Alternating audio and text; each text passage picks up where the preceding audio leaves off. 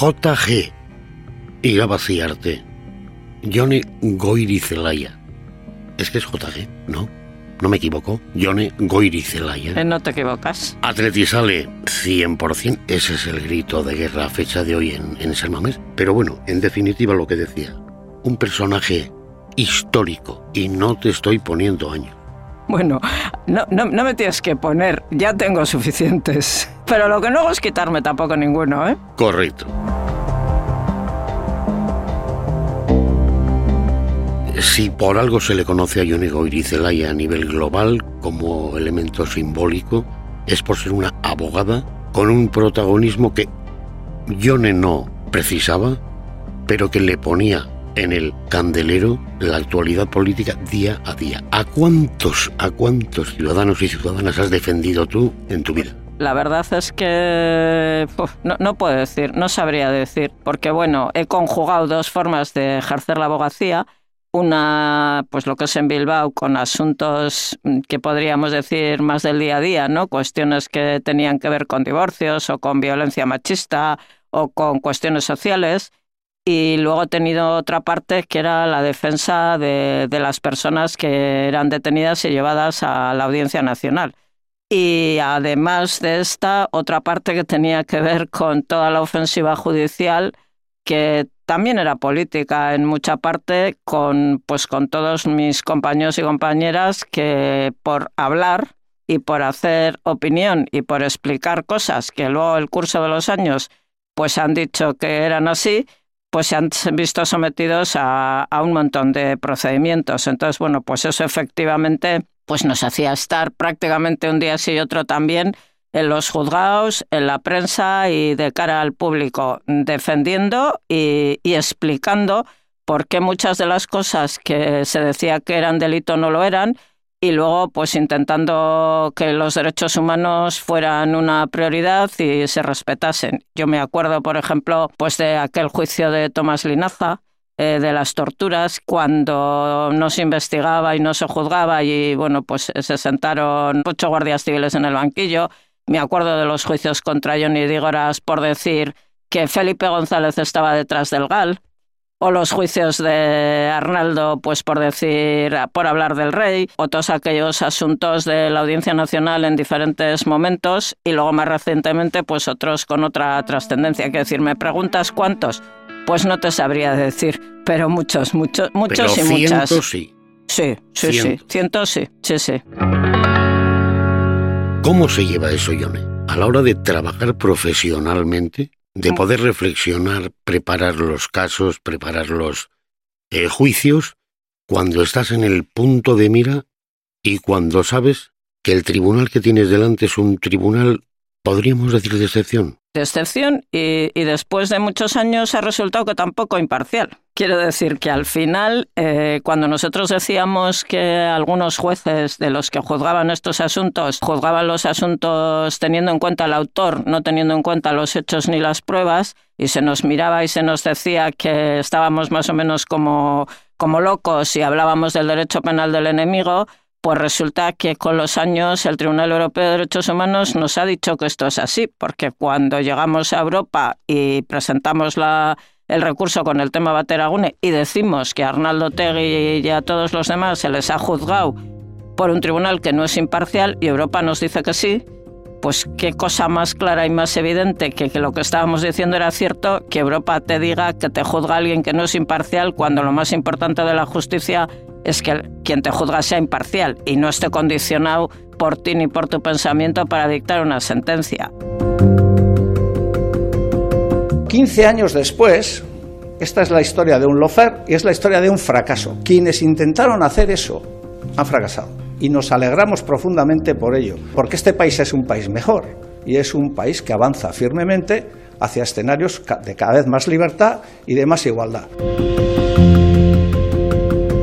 Y luego dices, preparar, bueno, pues es que éramos un equipo en todos los casos. Yo siempre he tenido mucha ayuda de mis compañeros y mis compañeras del despacho de aquí y luego teníamos una cosa que me parece que era muy importante, era que todos los abogados que llevábamos estas cuestiones nos reuníamos, analizábamos los temas en profundidad nos explicábamos las cosas y claro, siempre hay alguno que ve una cosa que tú no ves, siempre hay alguno que mira otra cosa y una máxima. Tú piensa que el que tienes enfrente por lo menos piensa lo mismo que tú. Y la verdad es que creo que el resultado en general eh, ha sido bastante positivo, teniendo en cuenta a qué nos enfrentábamos y en qué tipo de tribunales estábamos, ¿no? Y cómo estábamos. Pero sobre todo yo, quitando todas estas cosas, me quedaría con que las personas a las que hemos defendido nos han reconocido nuestra labor y están contentos y contentas con nosotros y nos agradecen el trabajo que hemos hecho y para mí eso es lo más importante. Teniendo en cuenta además, Yone, porque es obvio que entre las muchísimas presiones que había en aquella época, por el contexto, cuando la Audiencia Nacional lo que hace es, según te he escuchado a ti mil veces y les he escuchado pues a Iruin, a Esnaola en su día, a Montero y demás. Lo que es el informe policial, el atestado policial, eso iba a misa. Mm. Por encima de declaraciones y demás, y teniendo en cuenta que la famosa ley antiterrorista permitía un aislamiento de semana o, o algo así, ¿no? El atestado policial en realidad no es nada más que una denuncia y para que pueda tener otra cualidad, pues tiene que estar sustentado en pruebas que acrediten lo que, lo que se dice. ¿Y eso qué pasa? En todos los tribunales de justicia, mm, más o menos, en la Audiencia Nacional era lo contrario. O sea, el atestado policial tenía avisos de credibilidad, la policía tenía más credibilidad que cualquier otra persona y daba igual lo que las pruebas forenses o físicas pudieran decir, porque si había alguien que decía que las cosas eran de otra manera, era así. Y eso genera una indefensión muy importante, porque claro, si llega un señor que se autodenomina perito de inteligencia y dice que lo que él dice es así, entonces la cuestión es cómo discutes tú sin pruebas, simplemente una opinión de uno que dices así porque tú puedes decir, pues yo creo que es de esta otra forma, pero, pero es que la diferencia es que aquel es policía y tú no. Y esos famosos informes de inteligencia pues han hecho que mucha gente termine en situación de prisión, aunque luego, bueno, pues en alguna otra sentencia se han rebajado las penas o se han modificado, pero bueno, eso eh, funcionaba así. De ahí la importancia que tenía una reivindicación histórica de, los abogados y,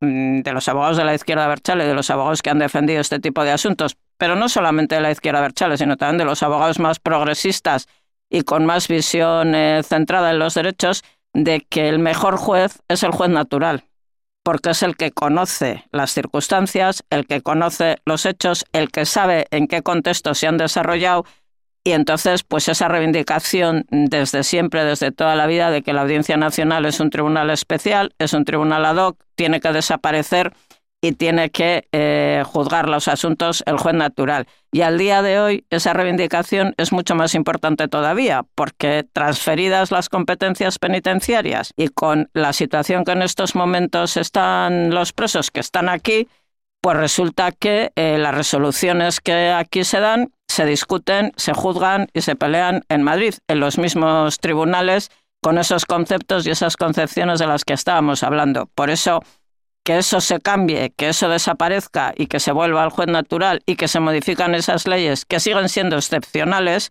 pues es una reivindicación muy importante, que yo la uno con la justicia transicional, que es la que hay que hacer en fases de transición, cuando quieres pasar de un momento a otro, que es lo que se hizo en Sudáfrica, que es lo que se hizo en Irlanda y que es lo que se ha hecho en muchísimos países que aquí no se da todavía y que hace que todavía tengamos esta situación. En aquella época en la que tú ejercías la abogacía, fundamentalmente en la Audiencia Nacional y demás, en ese contexto, en ese ambiente, cuando ETA mataba, cuando ETA actuaba y mataba fiscal Carmen Tagle, demás, ¿cómo se torea esa situación?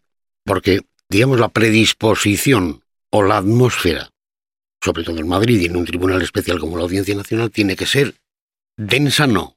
Lo siguiente. Bueno, ha habido momentos de muchísima tensión. Pues cuando has mencionado a Carmen Tagle, pero también justo recuerdo yo en los momentos inmediatamente anteriores a que fueran a declarar los miembros de la Mesa Nacional, asesinaron a un magistrado del Tribunal Constitucional, hubo una bomba que le explotó a otro magistrado en la Audiencia Nacional. Quiero decir, ha habido momentos de mucha tensión. Eso es evidente. Pero bueno, la verdad es que yo sí que tengo que decir que nosotros con los magistrados, los jueces, la fiscalía, los funcionarios, hemos tenido una relación mm, de respeto. Cada uno sabíamos muy bien en qué sitio estábamos y cuál era nuestro papel. Eh, nos comportábamos con mucho respeto y con educación respecto de ellos, ellos también. Y yo creo que, bueno, pues que la relación no ha sido mala. De hecho, algunos de los magistrados y de los fiscales que en su momento estaban en la audiencia y que ahora ejercen eh, el derecho de forma particular, pues hay, hay, algunas veces que cuando nos ven esperando un juicio, incluso nuestros clientes, pues de repente te encuentras con Gómez de Leaño, que le metió a la cárcel a pues Álvaro Reizábal, por ejemplo, y te viene y te saluda tan simpático, pero no solamente a ti, sino también a Álvaro Reizábal. Quiero decir que eso demuestra que bueno, que sabíamos cada uno en qué situación estábamos y que sabíamos que cada uno tenía un papel que, cumplir, unas acciones que hacer y no había más, más historia. Seguramente habrá alguno que le cayéramos fatal y que le hubiera gustado meternos a la cárcel, no tengo ninguna duda. Pero em, si lo pensaba, por lo menos no lo traslucía, con lo cual podíamos trabajar y hacer nuestro trabajo con, con los resultados que a veces eran mejores y a veces eran no tan buenos. Pero bueno, eso es lo que hacíamos. Pues me quedo un poquito más tranquilo porque las críticas al control del Poder Judicial, a la orientación, por no decir manipulación política, con mayorías determinadas, conservadores, progresistas, están a la orden del día. Mm. ¿Es cierto eso, Ione? ¿Está tan, tan controlado políticamente? Bueno, eh, yo creo que algunos ¿El Poder Judicial o los jueces? Y yo creo que algunos jueces sí. Yo no haría eso extensivo a todo el Poder Judicial porque me parece que hacerlo además sería un, un, error y además es que creo que no es cierto, pero sí creo que algunos sí. Creo que algunos sí y algunos en algunos momentos por el Partido Socialista y otros en otros momentos por, por el Partido Popular. Y ahora, al día de hoy, evidentemente hay algunos jueces que están muy controlados no sé si controlados, pero por lo menos son muy afines a las tesis de la derecha y yo creo que con sus resoluciones quieren eh, crear una situación que haga que los acuerdos que hay eh, se rompan, que la cuestión se desestabilice y que al final, pues bueno, pues se gobierne otro partido que no es el que está gobernando y, bueno, ya hay resoluciones judiciales y autos y cosas que se ponen encima de la mesa que recorrido jurídico tienen cero y que están pensadas única y exclusivamente para esa, para esa labor. Y algunos lo más o menos lo dicen y otros no lo dicen, pero lo hacen en sus resoluciones. Ahora tenemos el ejemplo del juez García Castellón empeñado en que cada vez que la ley de amnistía dice una cosa, pues él hace una resolución que modifica la anterior que la ha hecho dos días antes para que lo que se dice ahí que ya está amnistiado, pues mete otra cosa para que no esté. Pero eso es prevaricación, Yone si no es prevaricación, está muy cerca. Desde luego, eh, es dictar una resolución que ad hoc, pensando en el autor contra el que quieres ir más que en los hechos que quieres investigar. Y eso, evidentemente, es una cosa que va en contra de cualquier norma de un Estado de Derecho. Juzgar a alguien e intentar condenarle por ser quien es, no por lo que ha hecho, sino por lo que es o por lo que piensa, es lo más alejado que hay del derecho y de la democracia y sobre todo de la justicia los famosos tiempos. Los tiempos de la justicia, que tiene sus tiempos, hay que respetarlos y demás, pero es que te puedes eternizar entre el recurso del recurso del recurso. Pasan 20 años y sigues ahí esperando. La cuestión esa es muy complicada. Cuando viene alguien y te pregunta, ¿y esto cuánto va a tardar? Lo peor que puedes hacer es decirle, no, pues en 15 días tienes una resolución o en un mes porque luego igual pasan 15 meses y no tiene nada. Entonces, aquí en, los procedimientos judiciales españoles, los únicos que tenemos que atender a los tiempos somos los abogados. Si nos dicen tres días, como lo presentes en el cuarto, agur. El fiscal no, y los jueces tampoco. Y, y, no es de recibo que tengas un juicio en el mes de enero del 2023 y estés en enero del 2024 y no tengas sentencia porque yo suelo decir de bromas, pero hay gente que hace divorcios de mutuo acuerdo, que firman el convenio y suelo decirles a los funcionarios, y, cuando vayan a ratificarse igual se han enfadado, porque habéis tardado tanto en llamarlos para que vengan a decir si están de acuerdo, que igual lo que acordaron ya ni les sirve. Quien dice eso, pues habla de indemnizaciones, habla de juicios laborales cuestiones que tienen que ver con herencias o cosas de ese tipo que son interminables y luego ya si te metes en lo que tiene que ver con la vía penal y tienes que ir al Tribunal Supremo, al Tribunal Constitucional y a Estrasburgo, pues igual al final te dan la razón. Cuando has cumplido la pena, has salido y llevas ocho años en la calle, como nos ha pasado ahora, por ejemplo, con el tema de Bateragune. Pero es que con el tema de Tassi Orquicia, que, ganamos también la, la sentencia del Constitucional, a Tassi Orquicia le condenaron por enaltecimiento en el 2010 y la sentencia de Estrasburgo ha salido en el 2023. Uh la cuenta. Pero la justicia es justicia cuando tarda tanto. Yo creo que no. Si alguna cosa tiene que tener la justicia es celeridad. Nadie va a un juzgado porque quiere, va porque ya no tiene más remedio, no tiene otra solución y piensa, a veces eh, adecuadamente y a veces inadecuadamente, que en los tribunales se va a aclarar la verdad. Y eso, pues a veces sí, pero la mayoría de las veces no. Porque como yo suelo decir, nadie que va a un juicio cuenta toda la verdad, porque el que cuenta toda la verdad a veces pierde. Entonces, mm. eh, cada uno cuenta su verdad. Y luego el juez o la juez de esas verdades hace una resolución judicial. Y entonces ahí eh, lo lógico es que la gente reciba rapidez en la respuesta cuando pide alguna cosa. O sea, tú no puedes meter una demanda con medidas para, que, para ver cómo está la custodia de tus hijos y que te tarden ocho meses en decirte cómo vas a organizarte. ¿Y a qué se debe eso? ¿Que no hay personal suficiente, que no hay medios? Es una mezcla un poco de todo.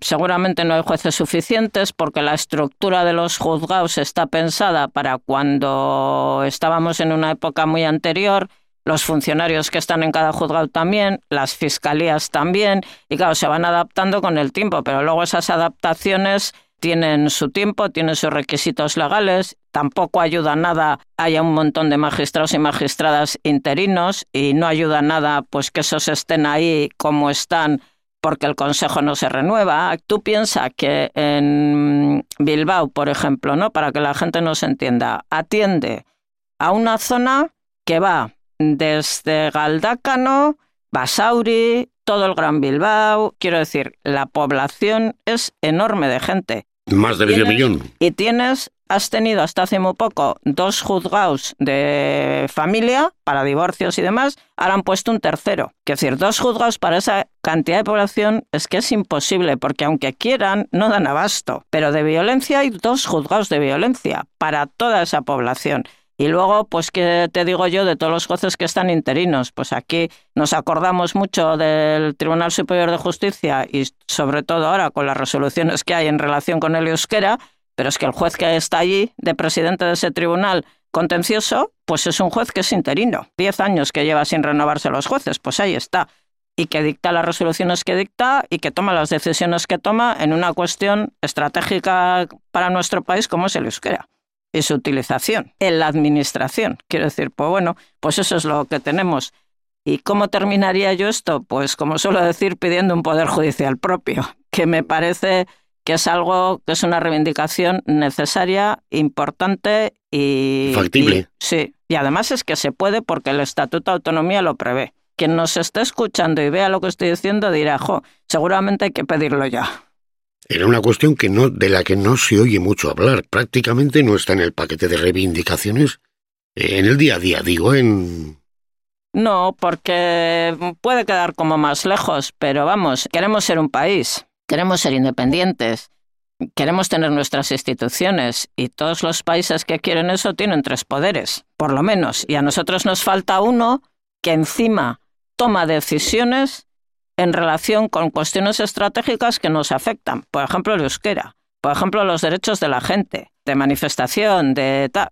En, pandemia, las resoluciones que tomaba, y bueno, pues el Poder Judicial propio es muy importante. claro, no cualquiera, pues los jueces tendrían que, por lo menos, entender la lengua. No se pueden hacer juicios en euskera en la comunidad autónoma vasca y en Nafarroa tampoco. Pero aparte de que no se pueden hacer juicios en euskera, la Fiscalía también depende de Madrid todas estas cosas eh, son muy importantes y tendrían que ser propias. Y luego yo creo que habría que formarles también, no a todos, pero sí a unos cuantos y a unas cuantas, en perspectiva de género, que, que falta mucho eso. Y luego nos echamos las manos a la cabeza a veces cuando pasan cosas. Pero es que el previo es el importante.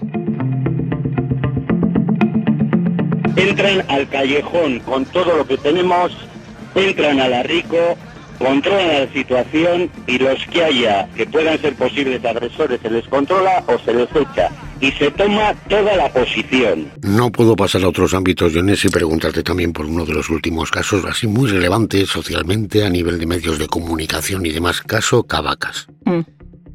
¿En qué ha quedado todo eso? Mm, Manu y Fina eh, tenían bastante claro que querían personarse como acusación y estuvieron un poco buscando abogados y estuvieron hablando con abogados de Bilbao y yo le, le había defendido a un sobrino de, Fina en, la Audiencia Nacional. Y bueno, pues eh, también vinieron a hablar conmigo y al final, pues bueno, se decantaron por las cosas que les expliqué y lo que yo pensaba que se podía hacer y sobre todo por lo que les habían dicho otros, que les decían que no se podía hacer nada y que aquí no íbamos a ir a juicio nunca, pues eh, se decantaron por esa razón.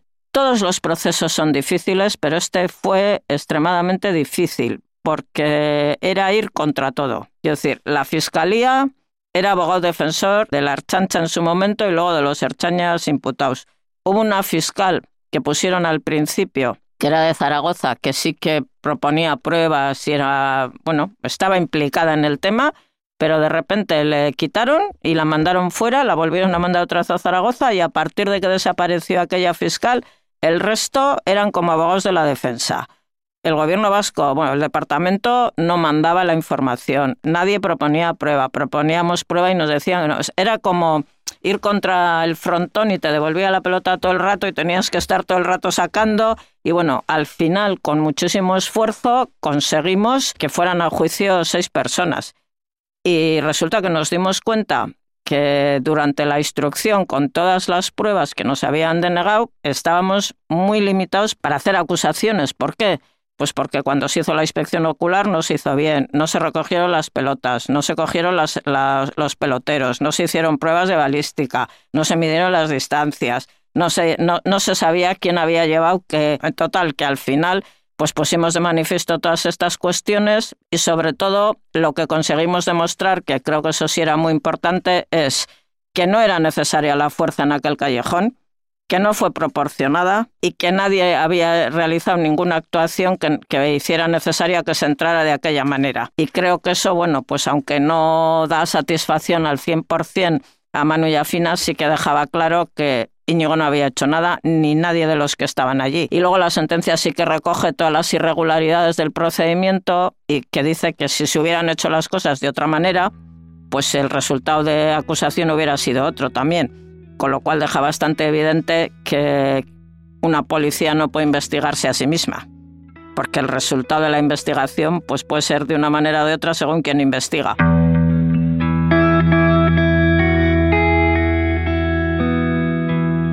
Estamos hablando fundamentalmente de tu labor como jurista, de tu labor como eh, defensora de, de, derechos, pero quizá esa labor en el imaginario colectivo te ha llevado a ser un poco, entiéndeme lo que te digo, ¿eh? un poco como persona dura, pero yo no ya es mucho más. Proclive, digamos, al entendimiento, a buscar salidas, a intentar acuerdos. Yo recuerdo mucho la época de Outzak. Hace no mucho tiempo tuve la oportunidad de entrevistar también a Gema Zabaleta. Yo recuerdo cuando os juntabais, pues mujeres que hacíais lo que los hombres quizá no se atrevían a hacer. Por el que dirán, y habríais cauces de diálogo. Es así. También hay algunos medios de comunicación que se empeñan en dar una imagen porque les interesa que esa imagen Destacar ese perfil. Porque en realidad eh, yo eh, siempre he sido proclive a hablar con todo el mundo, a mantener relaciones con todo el mundo, pero no solamente eso, eh, a tener empatía con la gente y sobre todo a intentar desde las diferencias y desde las distancias buscar acuerdos que nos permitan avanzar y mejorar la situación. Y esto ha sido algo que siempre he hecho y, mantengo relaciones al día de hoy también con absolutamente todo el mundo en todos los lados. Eh, claro, esto pues fue un poco lo que hicimos eh, cuando planteamos la cuestión de, el, movimiento aquel de AOCHAC. ¿Por qué lo hicimos? Pues porque en aquel momento, eh, claro, estamos hablando del 2006, 2000, bueno, cuando empezamos nosotras antes, los partidos políticos, los hombres que estaban en los partidos políticos no se hablaban. Yo estaba en el Parlamento de Gasteiz, iba a salvar, y con el de Alau, si era de no sé qué, es que no le decías ni Gunón. Entonces, pero no se hablaba de nada, no se llegaban a acuerdos en ninguna manera. Y entonces había una comisión de mujer en la que nos juntábamos, y fíjate por qué empezamos. Empezamos a hablar con el tema del alarde de Irún y de Ondarribi. Y resulta que ahí nos dimos cuenta que la del PP, la del PNV, la, todas pensábamos lo mismo en relación con esa cuestión. Y entonces hicimos un texto eh, firmado por todas y a partir de ahí nos pusimos a pensar qué más cosas podíamos hacer. Y entonces yo empecé a hablar con Gema. Aparte quedábamos, íbamos a Barcelona a la universidad porque la Cátedra de Paz de la UNESCO nos invitaba todos los años y la gente que nos veía en el aeropuerto así flipaba eh, cuando llegábamos, cuando salíamos, porque Gema iba con escolta. Quiero decir, entonces, bueno, y claro, y se juntaba conmigo y bueno, y al final pues empezamos a pensar si no íbamos a ser nosotras capaces de hacer lo que los hombres no hacían. Y nos dimos cuenta que sí. Y entonces nos pusimos a hablar, a pensar, y empezamos a hablar con el resto y nos encontramos que todo el mundo estaba en una disposición y en un querer hacer eso, que bueno, pues que nos pusimos a trabajar y resultó que todas las mujeres de todos los partidos políticos de Euskal Herria en su totalidad, porque estaba Iparralde y Egualde entero, eh, menos la derecha, estaban en esa misma tesis y conseguimos un acuerdo que me parece que es muy importante y que todavía al día de hoy una cosa que decimos es que si nos hicieran caso eh, solucionaríamos muchas cosas, porque fíjate, decíamos, se tiene que preguntar a la ciudadanía. Lo que la ciudadanía diga se tiene que respetar y se deberán articular los mecanismos legales necesarios para que se pueda llevar adelante. Fíjate qué fácil sería, ¿no? Y bueno, y a Sentido común, pero... Claro, sí, sí. el menos común de los sentidos. Igual es que teníamos y tenemos las mujeres un poco más sentido común, ¿no? Entonces, y conseguimos ese acuerdo y luego fuimos por los pueblos. Lo que notábamos era que las mujeres de nuestro país tenían muchísimas ganas de participar y de hacer cosas. ¿Y qué pasó? Pues yo creo, bueno, que algunos hombres se pusieron muy, muy nerviosos.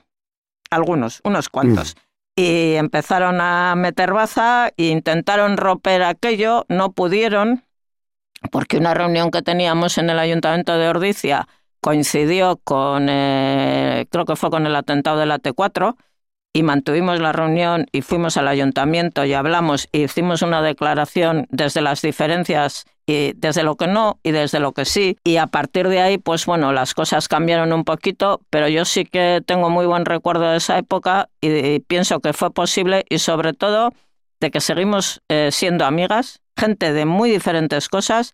Seguimos participando en foros, estuvimos en el Foro Social Permanente y ahora estamos trabajando en otras cosas y bueno, conseguimos que las mujeres de Euskal Herria se ilusionaran con algo y participaran. Y ahora, bueno, pues eh, el movimiento feminista ya es mucho más amplio, es mucho más, pero claro, estamos hablando de unos años muy concretos en los que había acciones armadas, bueno, aunque en, en algún momento hubo una tregua, pero sobre todo había una incomunicación entre los partidos y en la sociedad impresionante, y eso lo rompimos.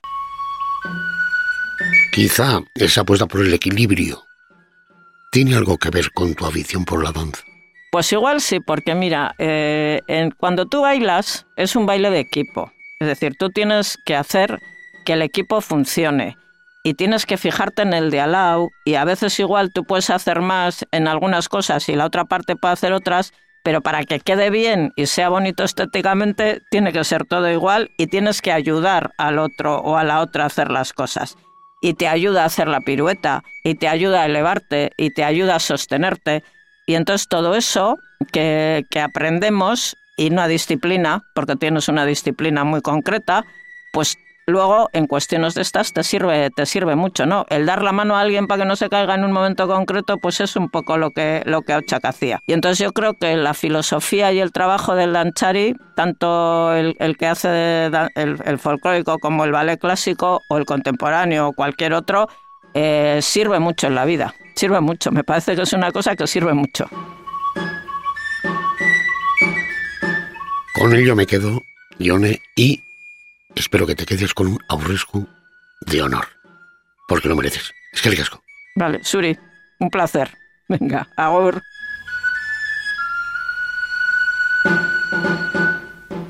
Estoy aquí, presentado por Julio Ibarra, dirigido por Eva Mateo, producido por Miren Esparza, editado por Ibai Elorza, una producción de New Digital Media Euskadi para EITV Podcast.